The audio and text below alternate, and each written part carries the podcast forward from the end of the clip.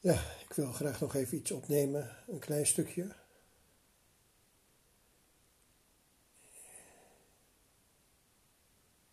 Ik ben de afgelopen dagen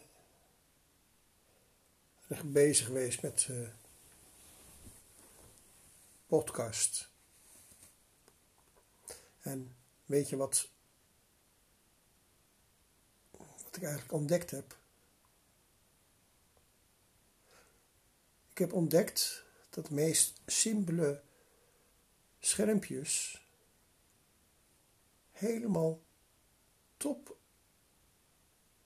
top vol staan met allemaal grafische designs, grafische tekens.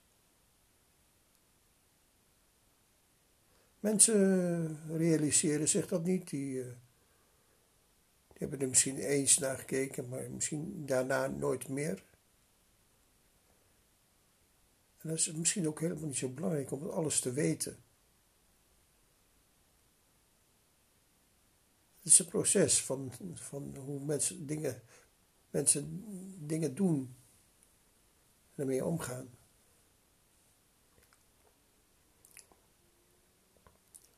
Vaak zul je zien dat pijn een hele belangrijke uh, signaal is voor mensen. Als de pijn komt, dan gaan ze zich vaak uh, realiseren dat het anders moet of anders kan.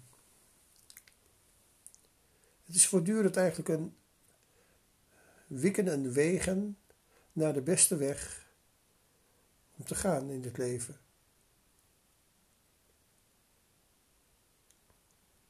Dat is natuurlijk meer heel erg verleidelijk om gewoon uh, het allerbeste te kiezen.